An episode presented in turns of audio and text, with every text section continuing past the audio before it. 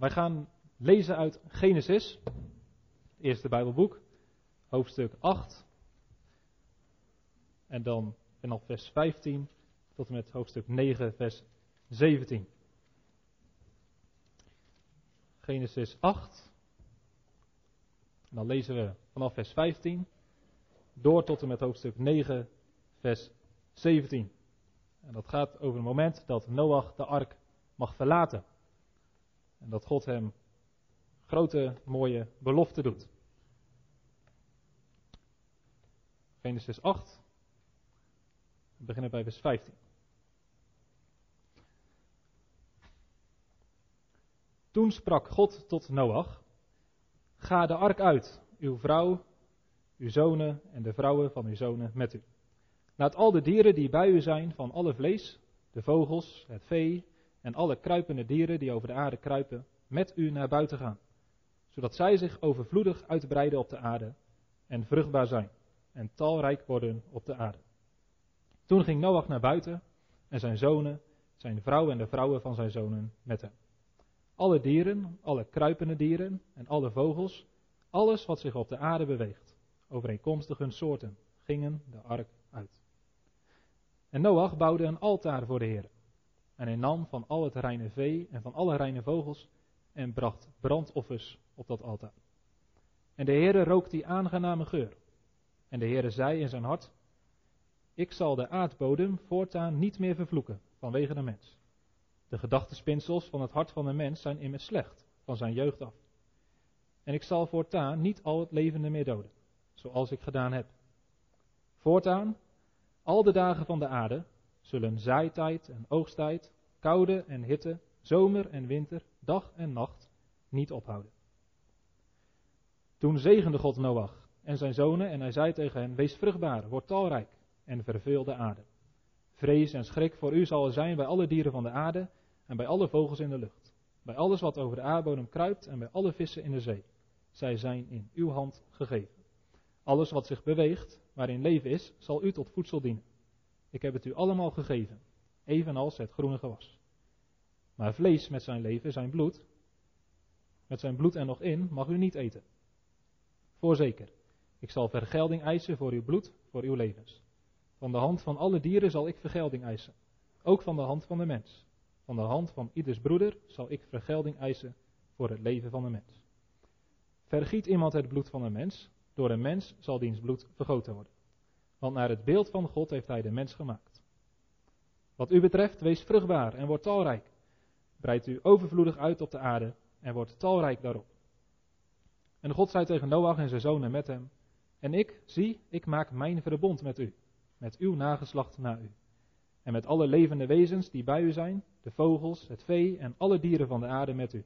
Van alles wat uit de ark is gegaan, tot alle dieren van de aarde toe. Ik maak mijn verbond met u, dat niet meer alle vlees door het water van de vloed zal worden uitgeroeid. En dat er geen vloed meer zal zijn om de aarde te gronden te richten. En God zei: Dit is het teken van het verbond dat ik geef tussen mij en u. En alle levende wezens die bij u zijn. Alle generaties door, tot in eeuwigheid. Mijn boog heb ik in de wolken gegeven. Die zal dienen als teken van het verbond tussen mij en de aarde. Het zal gebeuren als ik wolken boven de aarde breng en de boog in de wolken gezien wordt, dat ik aan mijn verbond zal denken.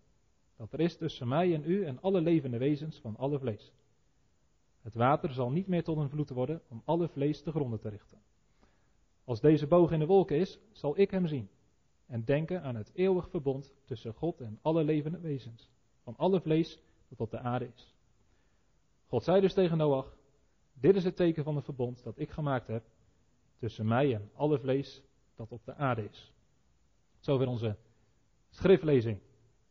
Ik heb als thema voor vanavond dankend doorgaan, veilig door het oordeel heen. Het is een bekende geschiedenis, denk ik, vanavond. De geschiedenis van Noach, de zondvloed en de ark. Het is denk ik een van de bekendste verhalen uit de Bijbel. Als mensen iets weten uit de Bijbel, dan is het misschien wel dit verhaal. Het verhaal is bekend. Uh, het wordt al vroeg op school verteld. En het is zelfs zo vroeg dat uh, toen Hanna geboren werd, we een hele stapel cadeaus kregen. En uh, er zat één Bijbels verantwoord boekje bij. cadeautje bij. En dat was een boekje over Noach. Noach in de ark. Ik heb het vanmorgen voorgelezen. Dat snapte nog niet volgens mij. Maar uh, zo jong kun je het al te horen krijgen. Het is een heel bekend verhaal. En ik vroeg vanmiddag aan die kinderen, hoe zou dat komen? Wat vinden jullie van het verhaal? Waarom zou dat verhaal zo vaak verteld worden? En al die kinderen die reageerden, die zeiden: Het is een mooi verhaal. Het is een leuk verhaal. En dat hebben ze ook uitgelegd. En misschien denkt u dat ook wel. Het is een mooi verhaal. Want uh, ja, Noach die mag de ark in en met alle dieren. En die overleven het. Dat is toch mooi? Natuurlijk is dat mooi. En het is ook een aansprekend verhaal, een, uh, een boeiend verhaal. Een beetje spannend. Ja, er komt een grote ramp. En uh, hoe, hoe, gaan we dat overleven? Nou, gelukkig er is een reddingsplan. En uh, nou ja, wie gaan daar gebruik van maken? Hoe loopt dat af? Dus het is een spannend verhaal. Het is een aansprekend verhaal. De hele dierentuin komt langs. Je ziet uh, leeuwen lopen en tijgers en beren en uh, nou, noem alles maar op. Al die dieren die naar de ark komen. Dat spreekt natuurlijk tot de verbeelding. Dus het is niet vreemd dat dit een bekend verhaal is. Uh, kleurplaten zijn ervan, verhaaltjes, liedjes. Heel veel is er gedaan met deze geschiedenis. Maar ik denk dat we ook eerlijk moeten zijn en zeggen dat het een ernstig verhaal is. Ik bedoel, het is mooi van Noach, en zijn gezin en de dieren die in de ark zaten. Maar het is natuurlijk een enorme ramp. Hoeveel mensen zijn daar wel niet gestorven tijdens die zondvloed? Hoeveel leven is daar wel niet vernietigd? Dus ja, een mooi verhaal. Ja, maar ook een minder mooi verhaal. Een leuk verhaal. Ik weet niet of je het leuk kunt noemen. Snapt? Dus er gebeurt wel hier wat in dat verhaal. Het is een oordeel van God. Nou, en dan moet je afvragen, hoe kan dat? Waarom? Waarom komt er zo'n enorme ramp over de wereld? Nou, er staat al in hoofdstuk 6, vers 5, de Heere zag dat de slechtheid van de mens op de aarde groot was. God zag dat de mensen slecht waren. Nou, wat betekent dat? Jezus zegt uh, later, in de dagen van Noach waren de mensen aan het eten en aan het drinken en het trouwen. Ze gingen naar bed en ze stonden weer op en ze werkten. Niks mis mee toch? Doen we allemaal. Nou, ze deden dat zonder God en niet voor God. En natuurlijk was de mens echt slecht. Er werd gelogen en bedrogen. Er werd uh, macht misbruikt. Mensen luisterden niet naar God, maar deden waar ze zelf zin in hadden. De mensen waren trots, egoïstisch. Mensen waren ondankbaar. De mensen waren slecht. En zo slecht dat God boos wordt. Maar dat staat er eigenlijk niet eens. Er staat niet zozeer dat God boos wordt, er staat dat God verdrietig wordt. Er staat, toen kreeg de Heer er berouw over dat hij de mens gemaakt had. Dus de slechtheid van de mens, wat doet dat met het hart van God? Het doet hem pijn. Dat is goed om te beseffen. Als wij dus dingen doen die fout zijn, als wij niet leven zoals God het heeft bedoeld, als wij niet komen tot ons doel waarmee God ons heeft geschapen, dan raakt dit God in zijn hart. Het doet hem pijn. God kan het kwaad niet uitstaan. Hij kan het kwaad niet verdragen. God is heilig en hij is rechtvaardig. Dus de enige logische reactie, de reactie die God wel moet geven, is dat hij de slechtheid van de mensen gaat aanpakken. Hij gaat het kwaad van de mensen eerlijk straffen. En dat is de zondvloed. Uh, hoe is het vandaag de dag met de mens?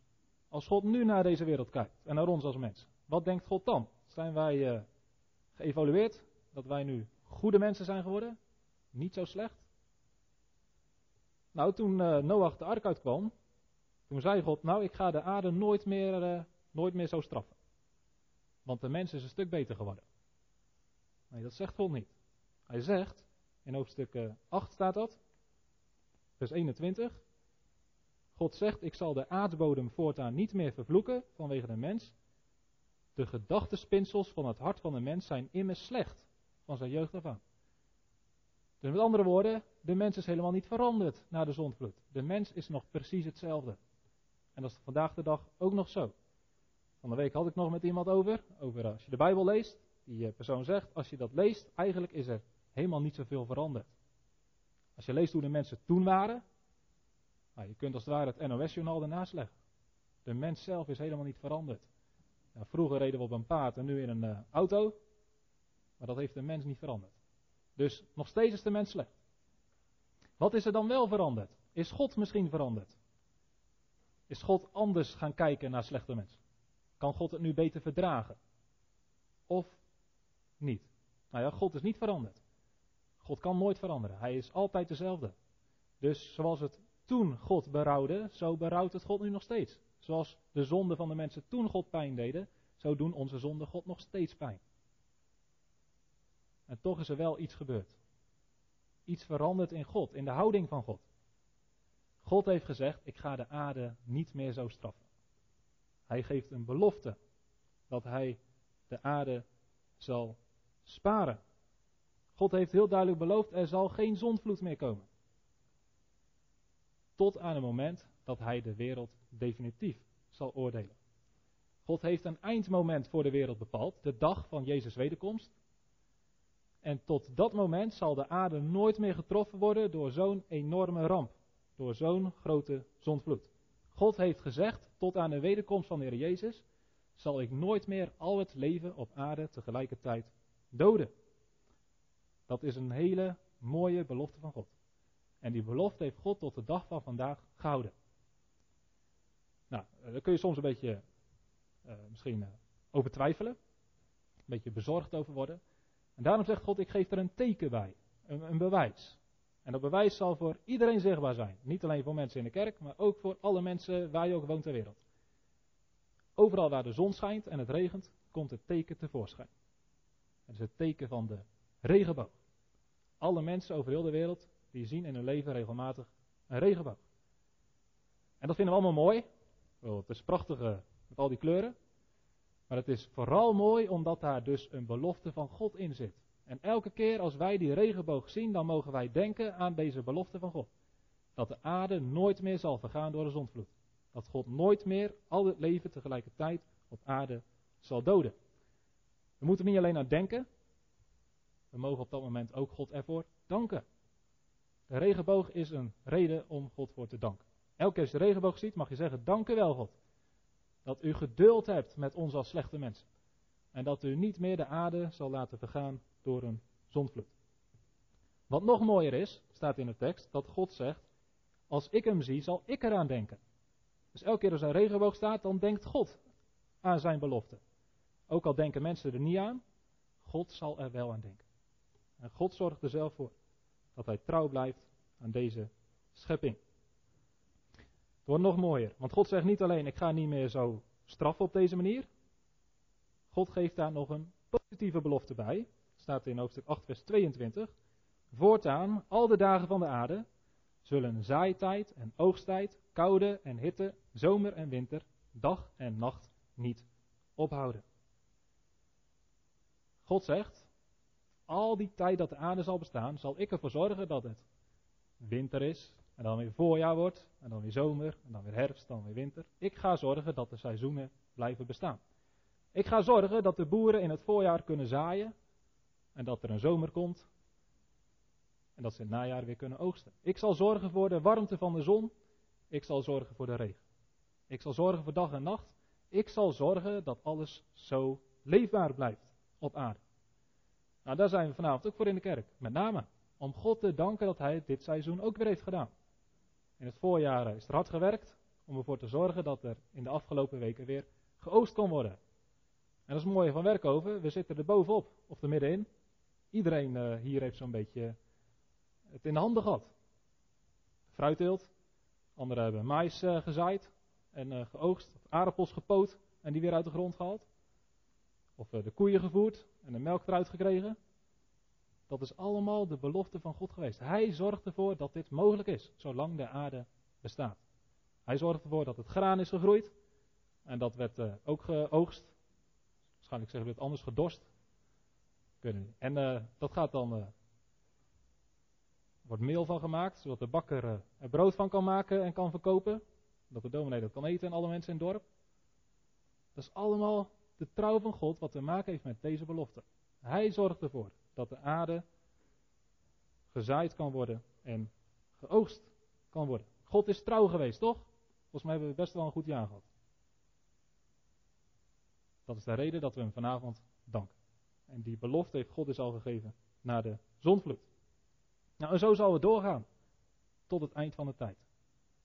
God zorgt voor de goede seizoenen. God zorgt voor het zaaien en het oogsten. God zorgt dat er eten en drinken is voor de mensen op de aarde. En nooit meer zal de aarde vergaan door een zonvloed. Nou, met name aan dat laatste gaan we nu ook wel weer een beetje twijfelen, toch? We zitten daar in eh, Glasgow ergens eh, met eh, ik weet niet hoeveel wereldleiders na te denken over de toekomst van deze planeet, want het gaat niet goed. Klimaat verandert, de zeespiegel stijgt en straks verdrinken we als Nederlanders die onder de zeespiegel wonen. Toch? Er komt weer een zonvloed. Dat uh, vertelt de media ons elke dag. Ik weet niet hoe jullie daar mee omgaan, hoe je erop reageren. De bedoeling is van de overheid en de media dat we er bang voor worden. Dat er straks weer een zonvloed komt. En die angst die helpt om maatregelen te kunnen nemen. Om in actie te komen. Om er van alles aan te gaan doen. Windmolens bouwen, zonnepanelen leggen, de boeren uitkopen, CO2-uitstoot proberen terug te halen. Nou, en noem alle maatregelen maar op. Om de zonvloed van 2050, of ik weet niet welk jaartal, te gaan voorkomen.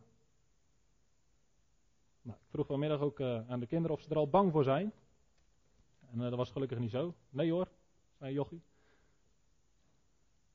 Maar we kunnen er wel bang van worden.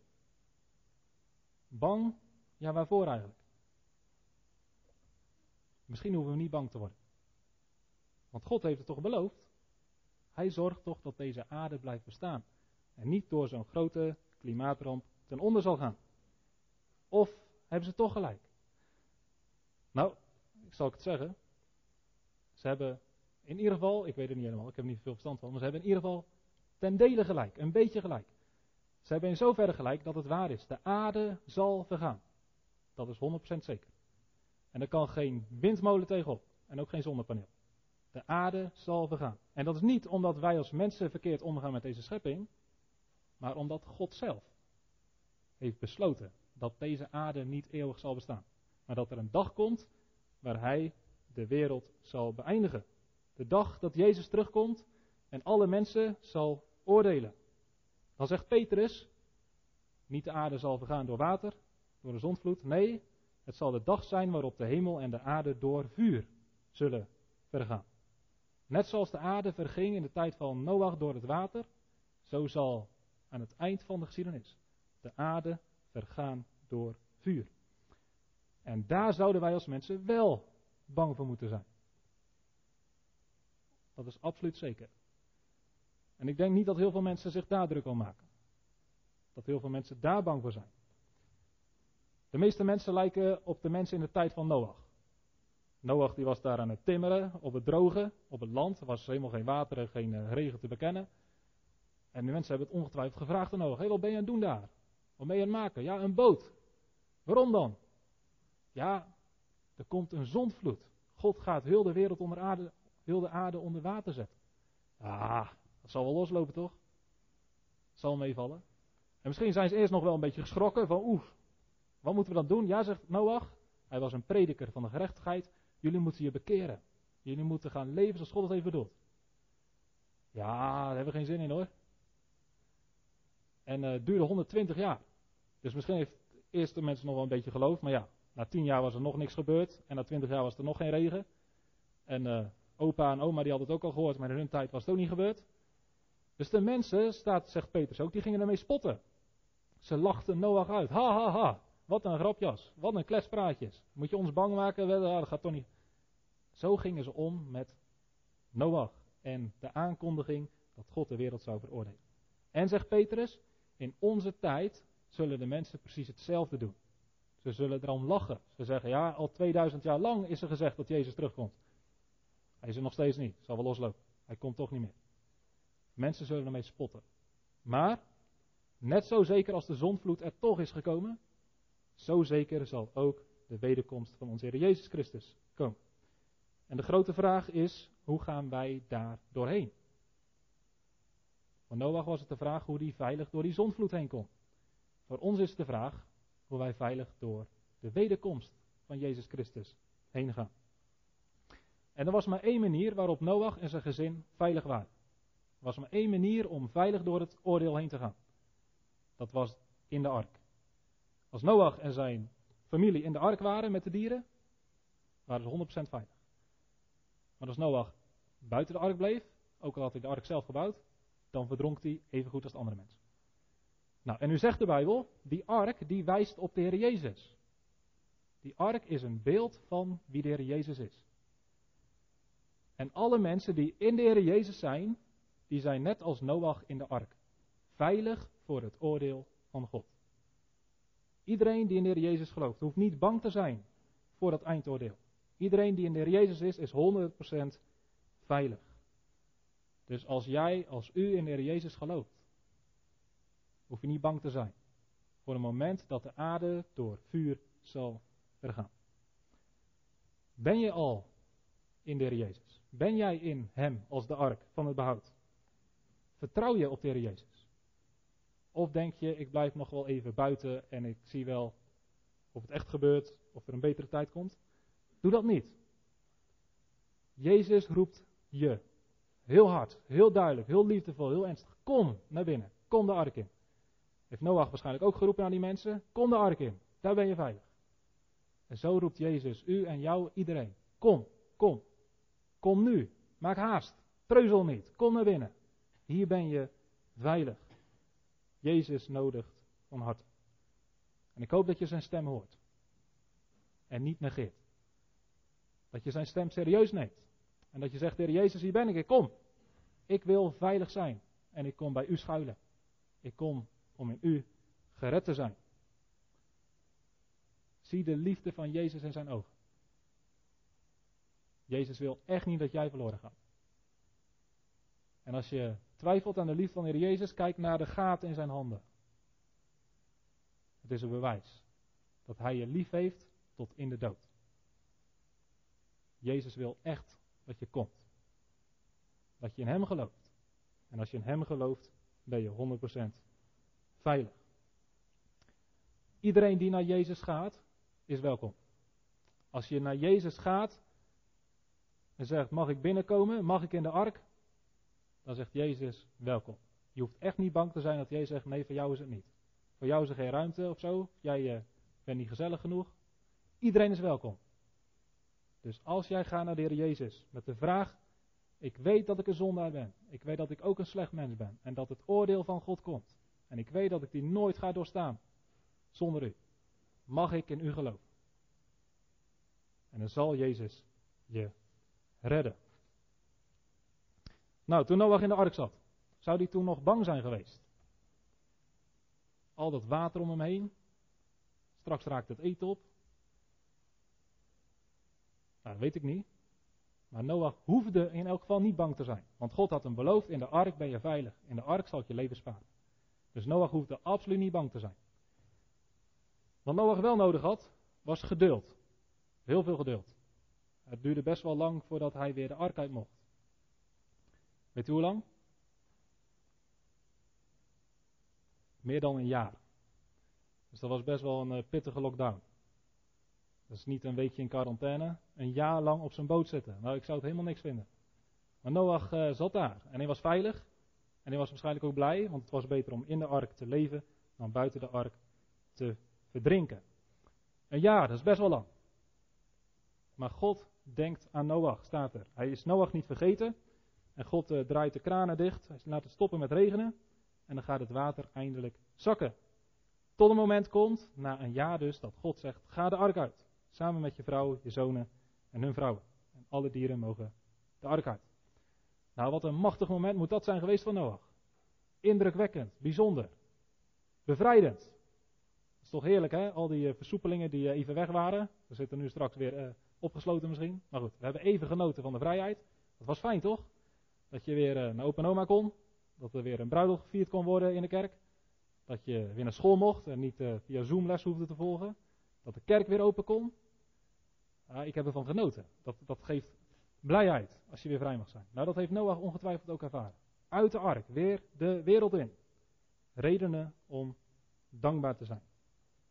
Noach was dankbaar. Nou ja, ik kan me ook wel voorstellen dat het ook niet alles was. We hebben van de zomer gezien in eh, Limburg dat als je overstromingen hebt en het water weer weg is, dat het probleem niet opgelost is, want dan heb je nog een heleboel troep. Ik weet niet hoe Noach de aarde heeft aangetroffen. Maar in elk geval niet zo mooi als Adam en Eva. Die hadden een beter begin. Maar goed, Noach komt op die aarde en hij is gewoon dankbaar. Dankbaar dat zijn leven is gespaard. En dat hij een nieuw begin mag maken. En wat doet Noach? Het eerste wat we lezen, hoofdstuk 8, vers 20 van Noach doet, hij bouwt een altaar voor de Heer. Om op dat altaar te gaan offeren. En wat offert Noach? De dieren die het hebben overleefd. Nou, een deel daarvan. God had dieren in de ark meegegeven. En van die dieren neemt Noach om een offer te brengen. Dat vind ik best bijzonder. Noach denkt niet van, uh, ja, kijk eens hoeveel dieren er al dood zijn. Nu moeten we wel een beetje zuinig gaan worden op de dieren die nog wel leven. Laten we zorgen dat die in leven blijven, dat we die maximaal gaan doorfokken, zodat er weer een beetje meer dieren komen. Nee, van die weinige dieren die het overleefd hebben, neemt Noach nog een paar en offert je aan de Heer. Dat is bijzonder. Noach uh, rekent niet. Hij is niet aan het kijken van uh, wat is uh, meest verstandig. Noach gelooft dat er niks beters is dan wat je hebt te offeren aan God. Wat je ook offert aan God, dat is nooit verspilling. Nou, Noach viert zo dankdag. En hij offert dingen aan de Heer. Welke offers brengen wij? Wat geven wij terug aan God als teken van dank? Nou, ik heb vanmorgen tegen de kinderen gezegd: jullie hebben waarschijnlijk nog niet heel veel geld of zo. Misschien een klein spaarpotje. Maar uh, het gaat niet om hoeveel je geeft.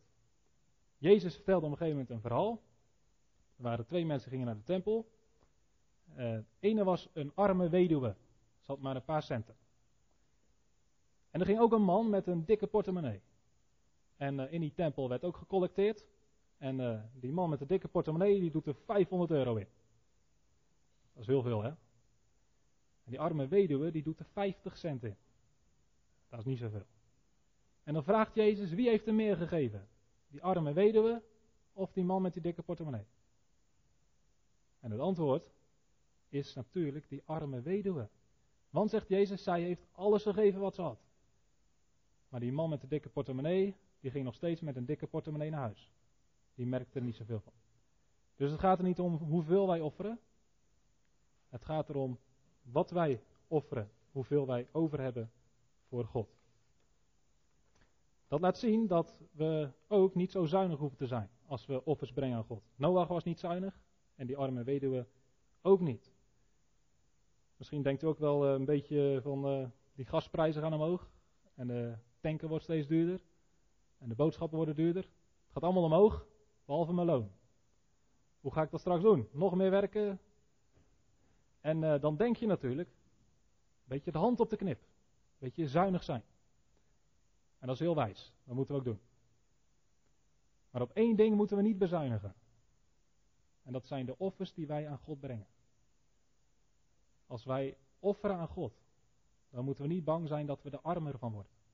Elk offer wat we aan God brengen, maakt ons alleen maar rijker.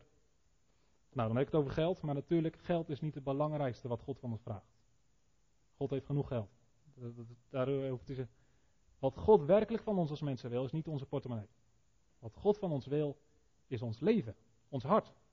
God wil niks liever dan onszelf. God wil dat we onszelf aan Hem geven, zoals God ook zichzelf aan ons geeft. Hij wil dat we ons leven aan Hem zijn toegewijd. En het mooie is, de kinderen die kunnen misschien weinig geld geven, maar als ze zichzelf geven, geven ze meer dan ouderen. Want stel dat iemand van 70 jaar zegt, ik ben nu echt zo dankbaar voor alles wat God in mijn leven heeft gegeven. En uh, voor de Heer Jezus. Ik ga heel mijn leven aan God geven. Ik ga heel mijn leven Hem dienen. Nou, als iemand 70 jaar is, dan zijn dat misschien nog 15, 20, misschien 30 jaar. Maar als je jong bent, en je bent 20, 15 of 10, en je zegt, ik ga heel mijn leven aan God geven, dan zijn dat veel meer jaren. Misschien wel 60 of 70 of 80. Dus hoe jonger je bent, hoe groter offer jij aan God kunt geven. Door je eigen leven aan Hem toe te wijden. Nou, Noach was dankbaar. En zo mogen wij ook dankbaar zijn en God onze offers brengen.